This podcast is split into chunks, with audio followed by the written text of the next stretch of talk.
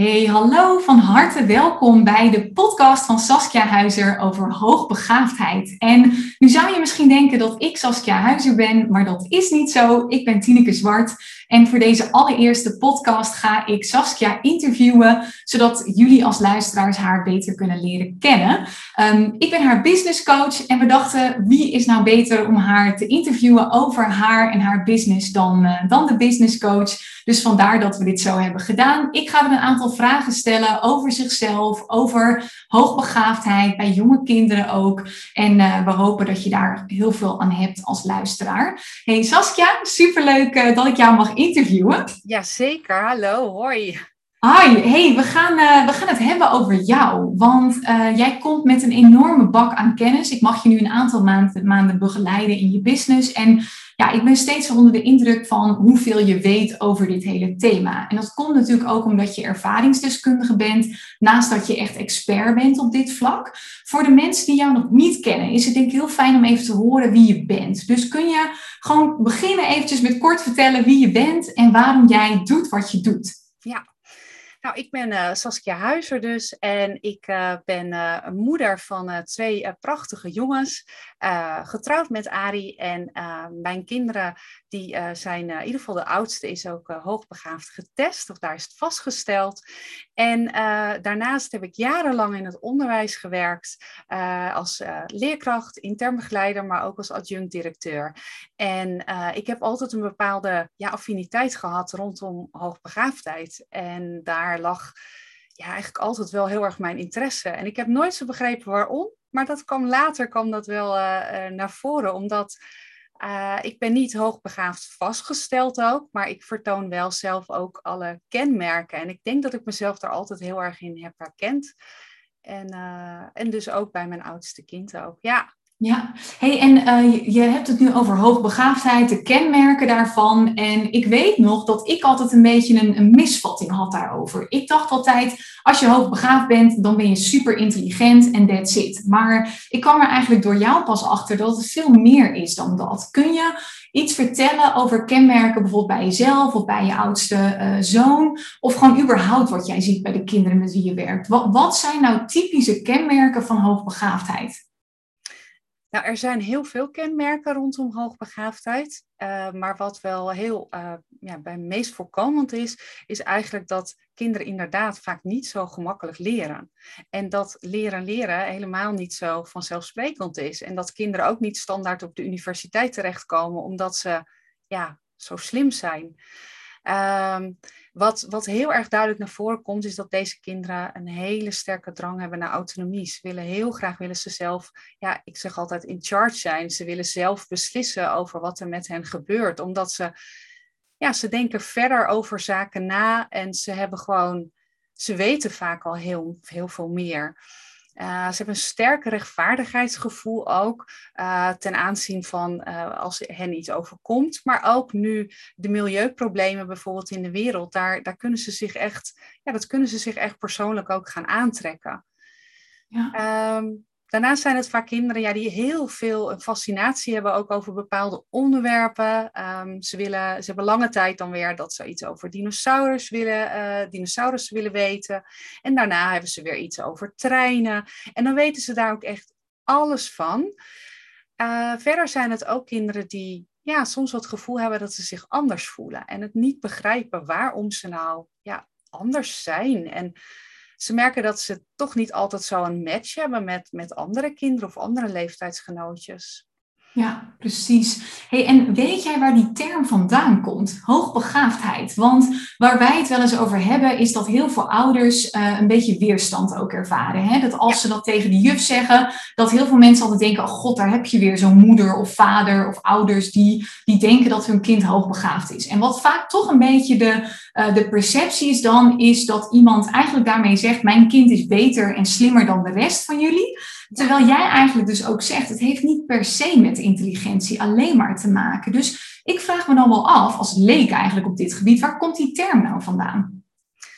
Waar het precies vandaan komt, weet ik niet. Ze hebben, uh, wat ik wel weet, is dat begaafd, ja, dat, dat is gewoon iets van, ja, ben je slim, je hebt zwak begaafd, je hebt hoog begaafd, je hebt normaal begaafd. Dat wordt gebruikt ook bij uh, het afnemen ook van testen, van intelligentieonderzoeken. En daarvan hebben ze gezegd, ja, je, bent, je, je kan natuurlijk zwak begaafd zijn, dan, dan heb je heel veel moeite eigenlijk met leren, dan is je intelligentie zeg maar laag. En ja, hoogbegaafd hebben ze daaraan zeg maar gekoppeld als tegenhanger. Ja. Het, het, in het Engels noemen ze het gifted. Uh, en aan de oh, ene kant vind ik dat best wel mooi klinken. Um, want, want, dan ja, lijkt het wel alsof het een soort geschenk is. Nou is dat ook niet helemaal zo. Want juist hoogbegaafde mensen of kinderen, die lopen ook echt wel tegen, tegen zaken aan en problemen. Maar ja, ik heb zelf soms ook moeite om het woord te gebruiken, inderdaad, hoogbegaafd. Ja, wanneer, wanneer ben je dat nou precies en waarom hoogbegaafd? Er, er ligt een heel erg lading op en ook veel ja, misvattingen ook wel. Jij gaf dat zelf net ook aan. Van ja, ik dacht, nou ja, dat zijn, dat zijn mensen inderdaad die heel goed kunnen leren en, en alles, dat alles voor de wind gaat.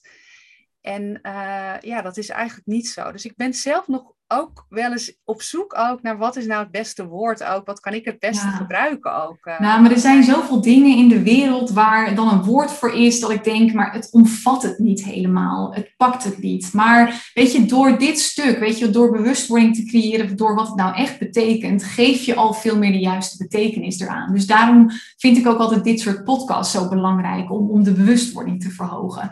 Hey, en jij zei ook uh, net, en nou zeg ik het waarschijnlijk niet helemaal goed, maar je zei uh, het, het, is niet per se dat je alleen maar gifted bent, want het komt ook met best veel nadelen natuurlijk. Wij hebben het ook wel eens gehad over dat heel veel ouders dan merken dat hun kindje thuis uh, boos is of heel gevoelig.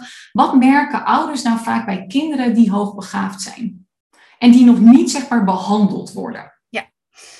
Uh, kinderen die nog geen uh, begeleiding hebben gekregen en waar ouders nog heel erg zoekende zijn. Dus ook van ja, zou mijn kind misschien hoogbegaafd zijn of een ontwikkelingsvoorsprong, zo noem ik het ook wel eens, uh, dat ze dat hebben.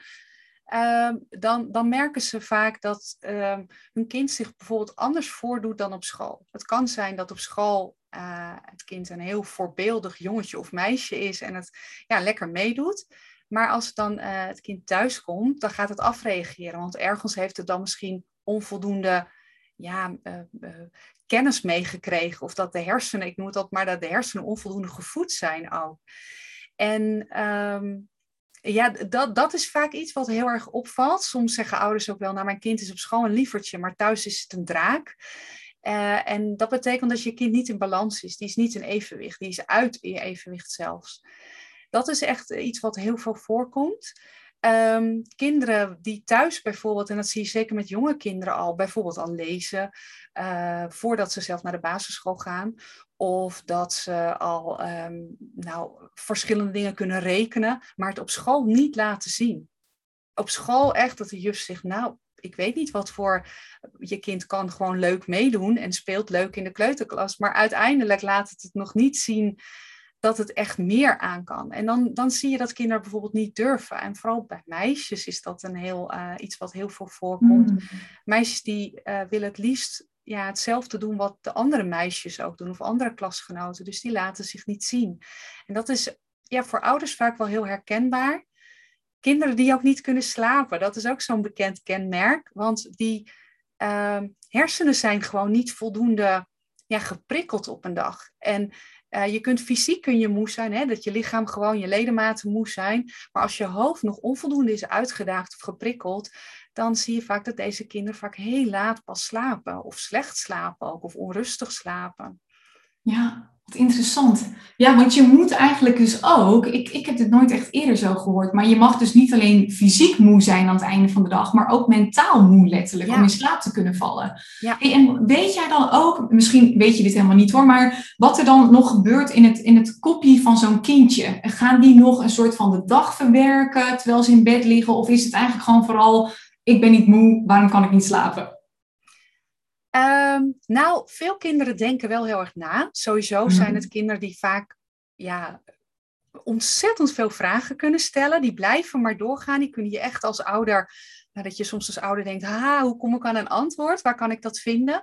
Maar dat zijn kinderen die echt dan, ja, dan gaan nadenken. Dus ergens komen ze in zoverre, ze komen niet tot rust, maar ze gaan in bed liggen en dan denken ze, oh ja, hoe zou dat nou met de wereld gaan als we deze energieproblemen bijvoorbeeld houden? Uh, het zijn kinderen die gaan nadenken van, oh ja, in de klas, het was niet zo fijn. En vaak wordt er wordt er juist wat negatiever. Mijn ervaring is dat er wat negatiever gedacht wordt als ze in bed liggen ook. Of heel veel mm. vragen hebben van, oh ja, ik wil iets over de trein weten, maar ja, hoe heet die ene trein nou in Japan die zo super snel is? En dat ze daarmee doorgaan en dat ze gaan nadenken. En ja, op het moment dat je natuurlijk iedere keer nieuwe vraagstukken krijgt waar je eigenlijk geen antwoord op kan krijgen omdat je ouders bijvoorbeeld beneden zijn en het kind op bed ligt, ja, dan gaat het hoofd gaat maar malen. En dan kan een kind dat ook niet ergens makkelijk loslaten. Of gaat het weer naar beneden komen, naar de ouders om de vraag te stellen. Dus ja, het hoofd staat eigenlijk niet stil. Wat, wat bijzonder ook. En ik, ik weet zeker dat er nu al ouders zijn die luisteren en al helemaal zitten mee te knikken van, oh, dit is echt zo herkenbaar voor mijn, uh, voor mijn kind. Hey, kun je daar iets over vertellen? Want op een gegeven moment wordt er dus vaak vastgesteld dat een kindje hoogbegaafd is. Mhm. Dat kan op verschillende manieren. Ik weet wel dat er um, hele dure testen en zo voor bestaan. Echt letterlijk van 500 tot 1200 euro. Nu heb jij een hele fijne checklist om, om ook al te checken of dat zo is. En dan komt er op een gegeven moment een punt dat ook een ouder besluit van ik wil met mijn kind aan de slag. Bijvoorbeeld met jou. Wat, is, wat zijn een beetje in, in grote lijnen de stappen die je dan doorloopt met, zo'n, uh, met het kind, maar ook met de ouders juist? Ja, dat is op zich heel verschillend, want er komen ouders bij mij die dus al een getest of vastgesteld kind hebben, uh, waar hoogbegaafdheid is vastgesteld. Maar er komen ook ouders naar mij toe die zeggen, ja Saskia, we hebben vermoedens van en uh, wij uh, hebben graag, ja, wij hebben je hulp nodig, omdat we merken dat het gewoon ja, thuis niet zo gezellig is, het is niet zo fijn, ons kind is niet happy. Um, en in zoverre ga ik wel dezelfde uh, volgorde hou ik aan. Ik heb meestal een intakegesprek met ouders, waarin ik altijd ga kijken van wat, heb, wat hebben deze ouders nodig en natuurlijk ook wat heeft het kind nodig. Uh, met meeste, uh, als ik, ik kan zowel met ouders als met kinderen werken en ik werk het liefst als ik met kinderen werk, altijd eigenlijk in combinatie met ouders. Omdat ik heb gezien, ik kan een kind kan ik heel veel bijbrengen uh, in gesprekken. En ik doe trouwens heel veel met spel. Dat vind ik heel erg belangrijk. Um, maar dan moet ik de ouders ook nog daarvan op de hoogte brengen. En um, als ik iets met een kind bespreek van je moet op een bepaalde manier reageren en de ouders doen dat niet, dan vind ik de effectiviteit vind ik minder uh, goed. Ja, logisch ook. Ja, ja, maar toch is dat niet zo vanzelfsprekend. Ik, eh, heel vaak wordt alleen met een kind gewerkt. En ik wil juist die samenwerking wil ik hebben. En ik zie ook dat ouders, um, ik had, recent had ik ouders, uh, of tenminste had ik een kind begeleid. En die ouders zeiden nee, wij hebben geen ouderbegeleiding nodig. En toen gaf ik aan van, nou dat is prima, ik ga jullie kind ga ik alleen begeleiden. Uh, maar ik zei wel, ik wil wel een paar tussentijdse gesprekken met jullie hebben, zodat jullie goed weten wat ik ook met jullie kind doe. En uh, nou, uiteindelijk zijn ouders erbij gebleven en die zeiden, oh, je, eigenlijk terwijl je ons kind helpt, geef je ons zoveel tips of horen wij zoveel dingen die wij anders kunnen doen in de opvoeding en uh, om het thuis gezelliger te maken. Uh, maar goed, de begeleiding was bijna afgelopen. we hadden zoveel sessies hadden we ingepland. En toen zeiden de ouders tegen mij van ja, Saskia, wij hebben ook echt zelf ook ondersteuning nodig. Want we zien, wij denken dat wij het wel kunnen als ouder. En dat het ons allemaal, ja, dat het goed afgaat op het moment dat het goed gaat met ons kind. Maar het doet ook wat met ons. Want nou, je gaf het net heel kort aan. Um, kijk, er wordt soms op school gezegd, als je zegt van, nou, mijn kind, ik heb vermoedens van dat mijn kind misschien hoogbegaafd is. Uh, dan zegt vaak een leerkracht, of die, die denkt dat vaak, van ja, nou, ik uh, weet dat niet zo hoor, ik, ik zie dat niet zo. Of als je dat met een vriend of een vriendin wil bespreken, en die, ja, die kan misschien wel denken van, nou, kom op, weet je, je kind is helemaal niet zo slim, of uh, ja, het is al gewoon niet zo vervelend. Maar deze ouders voelen zich wel vaak alleen staan, want een hoogbegaafd kind opvoeden of bijstaan, hoe je het ook wil noemen, is anders dan in de meeste opvoedboekjes staat beschreven wat je met een kind kunt doen. Want deze kinderen reageren anders, die reageren niet standaard. En nou vind ik zelf dat ieder kind anders is, ieder persoon is ook anders, ieder, ieder mens heeft ook een andere benadering nodig. Maar ik zie dat nog meer inderdaad ook bij, uh, bij deze kinderen.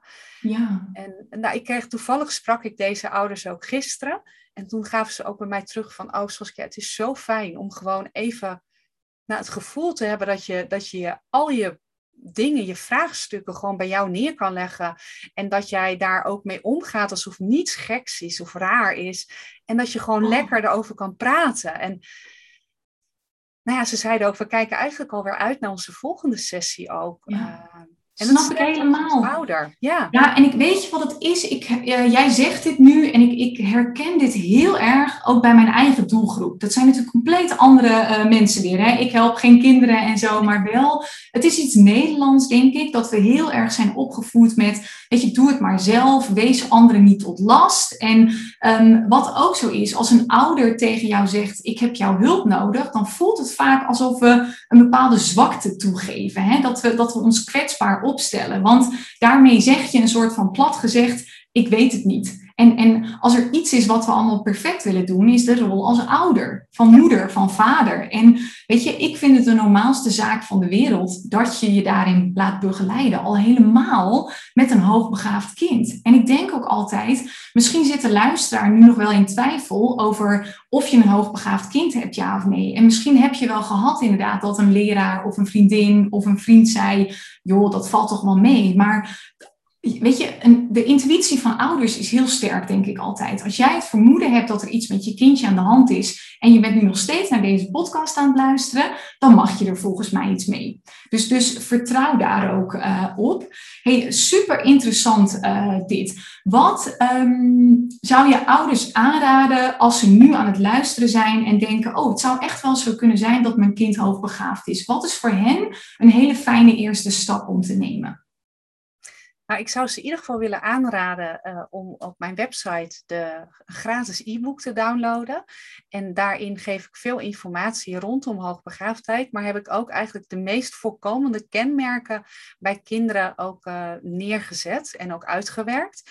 En daarin kun je ja, misschien wel je eigen kind herkennen. En ik heb dat zowel gedaan voor jonge kinderen, dus echt kinderen, ik, ik, wil niet zeggen helemaal vanaf babyleeftijd, maar wel vanaf één jaar. Dan kun je al bepaalde signalen, kun je al misschien al eruit halen.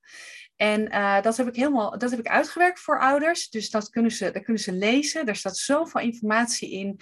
En dan denk ik dat je als ouder ook beter weet van, nou, zou mijn kind inderdaad misschien hoogbegaafd kunnen zijn of een ontwikkelingsvoorsprong ook kunnen hebben.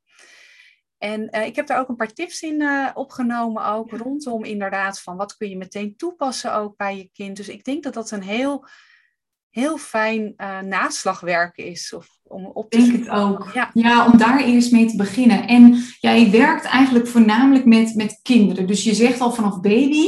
En wat is een beetje jouw oudste, het oudste kind wat je begeleidt op dit moment? Um, dat is 16 jaar.